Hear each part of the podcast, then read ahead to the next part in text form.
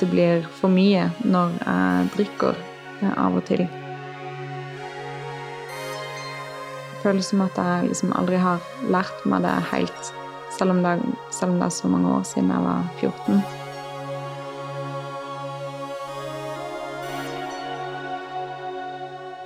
Du skal drikke med måte. Selv ble jeg ofte overraska over hvor vanskelig det var å drikke akkurat passe. Menn drikker nesten dobbelt så mye som kvinner, men de siste 50 åra har damene drukket mer og mer. Hvorfor gjør de det? Jeg heter Ida, og det her er Ingrid, om å være 29 år og ennå streve med å stoppe i tide. Helt fra starten av så var jeg veldig gira på å drikke. Ofte ble den fulleste blant eh, vennene mine. Ingrid vokste opp i en trygg familie i Kristiansand med mange venner rundt seg. Hun gikk på idrettslinja og har alltid vært eventyrlysten. Vennene beskriver henne som vimsete og til å stole på. Men som ungdom viste det seg at alkoholen kunne gjøre den pliktoppfyllende jenta ugjenkjennelig.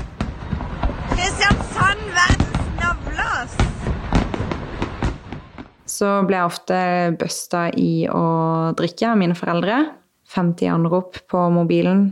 Å komme hjem da og oppdage liksom hvor redde foreldrene mine har vært. Og selvfølgelig sikkert i ferd med å ringe politiet. Ofte etter en sånn at jeg hadde gått på en smell og de hadde tatt meg i å drikke, så kunne det gå en periode hvor jeg holdt meg unna.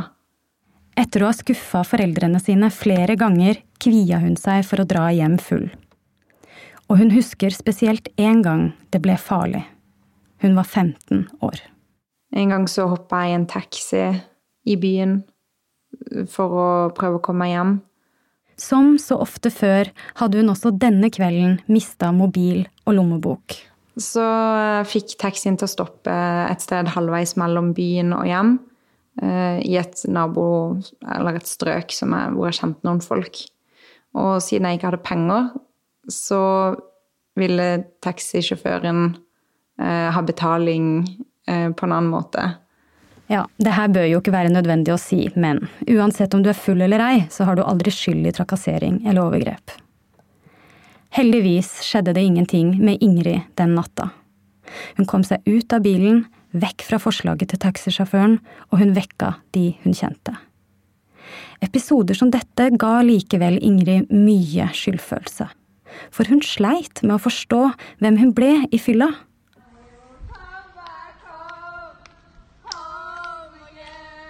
Ingrid synes det var rart å se bilder og videoer av seg selv når hun var full.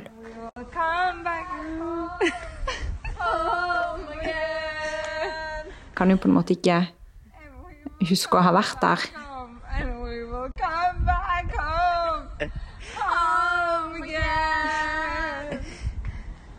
Og jeg kan ha et veldig sånn veldig trist uttrykk i ansiktet. Mm. Hun ser kanskje trist ut, men Ingrid har ofte spilt hovedrollen i de gode historiene. Jeg hadde bare noen sånn glimtvise minner av et pariserhjul og lysene fra det. Det på en måte husker jeg veldig sånn vagt fra den kvelden. Som den gangen i russetida, da hun trodde hun hadde vært sammen med venninnene på Veronica Maggio-konsert i Kongeparken. Et svært tivoli fylt av nesten 15 000 russ.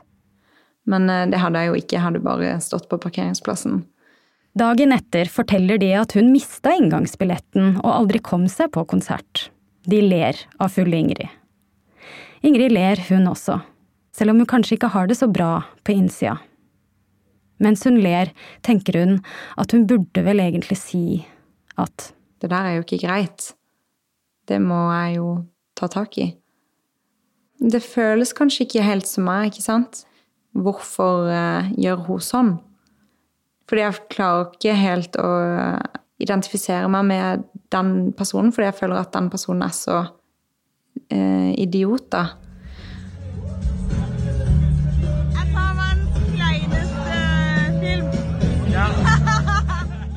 Etter russetida flytter hun til Oslo.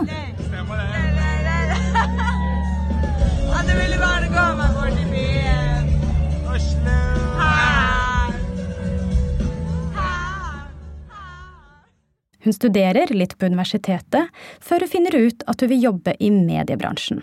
Jobbintervju mestrer hun, og hun får jobb som nyutdanna. Men jobbfestene er det verre med. Det er tid for klassikeren julebord, med fri bar. Jeg husker jo at jeg hadde det veldig hyggelig på dagen på det julebordet, men at eh, på et eller annet tidspunkt så blir det svart. Kollegaer kollega som måtte ta meg hjem i en taxi, da. Det var sikkert klokka åtte på kvelden. I taxien så hadde jeg ikke vært i stand til å si adressen min, eller så måtte jeg ta mobilen min eh, fra veska mi og bruke pekefingeren min til å låse den opp. Og så eh, fikk hun opp mobilen min og kunne ringe til eh, kjæresten min, eh, sånn at vi kom oss dit. Og så kunne si fra når vi var utenfor, at eh, han måtte komme ut og plukke meg opp i taxien. Fordi jeg bare er helt Altså, er nesten sånn bevisstløs. Etter en sånn kveld skjerper hun seg. Men det varer ikke. Ja, det er litt som å være um, i en slags uh, karusell som uh, begynner sakte.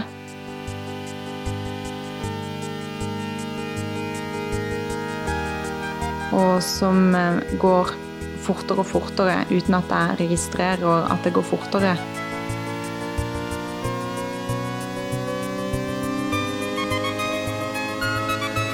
Til slutt så går karusellen så fort at jeg på et eller annet tidspunkt liksom slenges av.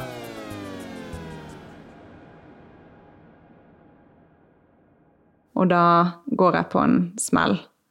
Det skjer gradvis, og plutselig er hun tilbake i det mønsteret hvor hun ikke er bevisst på hvordan hun drikker.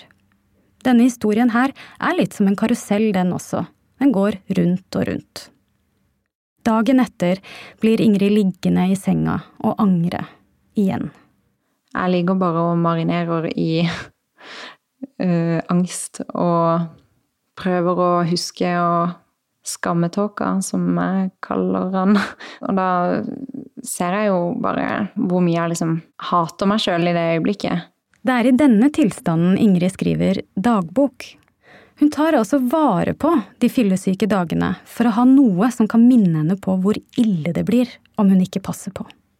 Um, ja, det begynner med Er jeg egentlig ond eller egentlig god? Jeg skjønner ikke hvem denne personen er, og hvorfor hun gjør som hun gjør. Jeg føler ikke at jeg kjenner meg sjøl. Hvorfor tar jeg ikke bedre vare på meg sjøl? Hvorfor lærer jeg ikke? Hvorfor tar jeg valg som skader meg selv og sårer de jeg er mest glad i?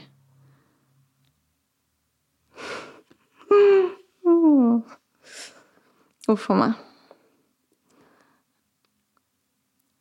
Det er vondt å føle seg så fremmed og uten kontroll.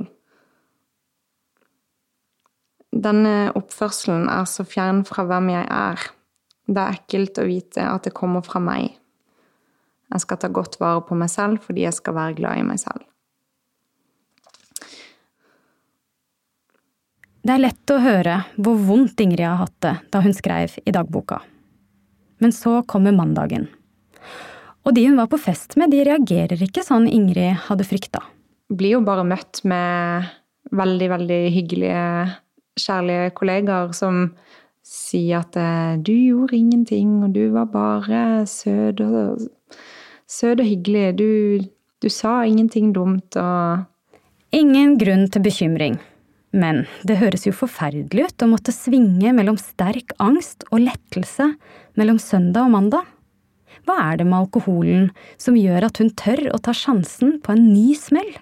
De første glassene gjør at jeg kanskje kan senke skuldrene og ha lettere for å prate med hvem som helst. Og jeg kan jo ofte kjenne på en slags sånn eufori. Sveve litt på en sånn sky og ikke vite hvor liksom, kvelden bærer. Det liker jeg veldig godt ikke tenke på morgendagen og liksom slippe alle bekymringer og bare være liksom til stede i øyeblikket. Men det er jo også det som er sannsynligvis noe av grunnen til at det går så ille, da. Løftene Ingrid gir seg selv i dagboka, er ikke nok. Hun kastes av den karusellen igjen og igjen. En dag ber en som bryr seg veldig om henne, Ingrid om å søke hjelp. Og etter noen runder med tvil tar hun mot til seg, og hun ringer rustelefonen. De råder henne til å bestille en time hos fastlegen. Kom inn der og bare brøt sammen med en gang jeg skulle prøve å si at, eh, at jeg har liksom utfordringer knytta til alkohol. For det var veldig fjernt for meg å skulle på en måte vedkjenne meg det. Så hvor i prosessen er Ingrid i dag, og hvor vil hun videre? Det, det mest ideelle hadde vært om meg og de rundt meg ikke trengte å være liksom nervøs for at det skulle gå på en smell. At jeg bare kunne ha liksom et helt vanlig forhold til alkohol.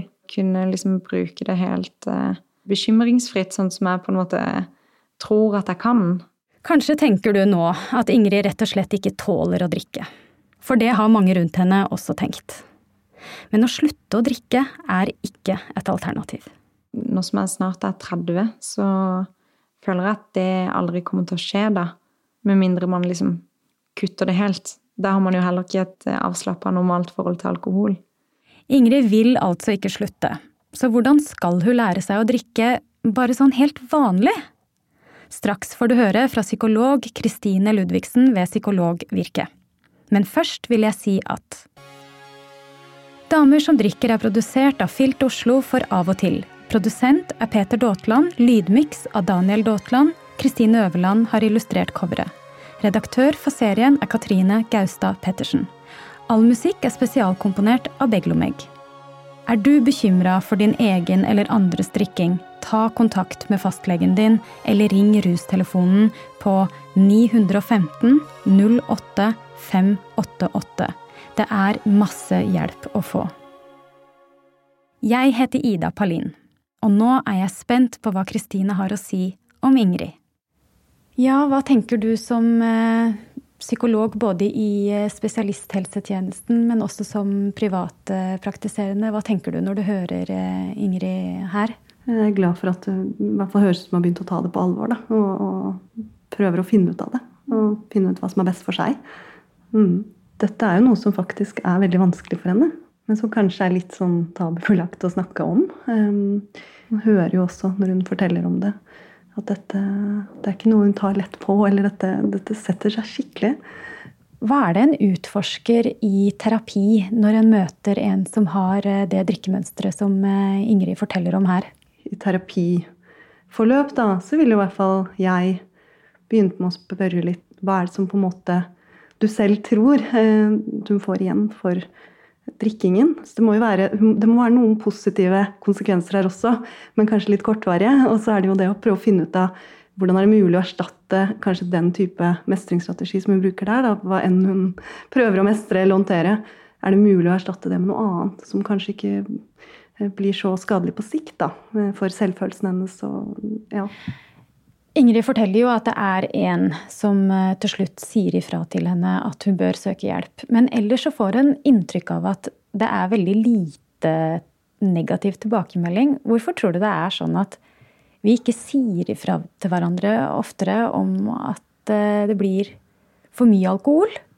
Jeg tenker jo at hvert sånn som i dette tilfellet, da, så er jo dette en person som høres ut som egentlig er veldig godt fungerende til vanlig, og, og en som tilsynelatende klarer seg godt. Um, og da tenker jeg det kanskje er enda vanskeligere å skulle på en måte si noe om at du reagerer litt på drikkingen din, eller uh, På en måte så høres det ut som at mange rundt henne prøver å vise henne at nei, men du er ikke utenfor, eller du er en av oss, eller vi Ingen av oss reagerte på det, eller at, det er velment, ikke sant?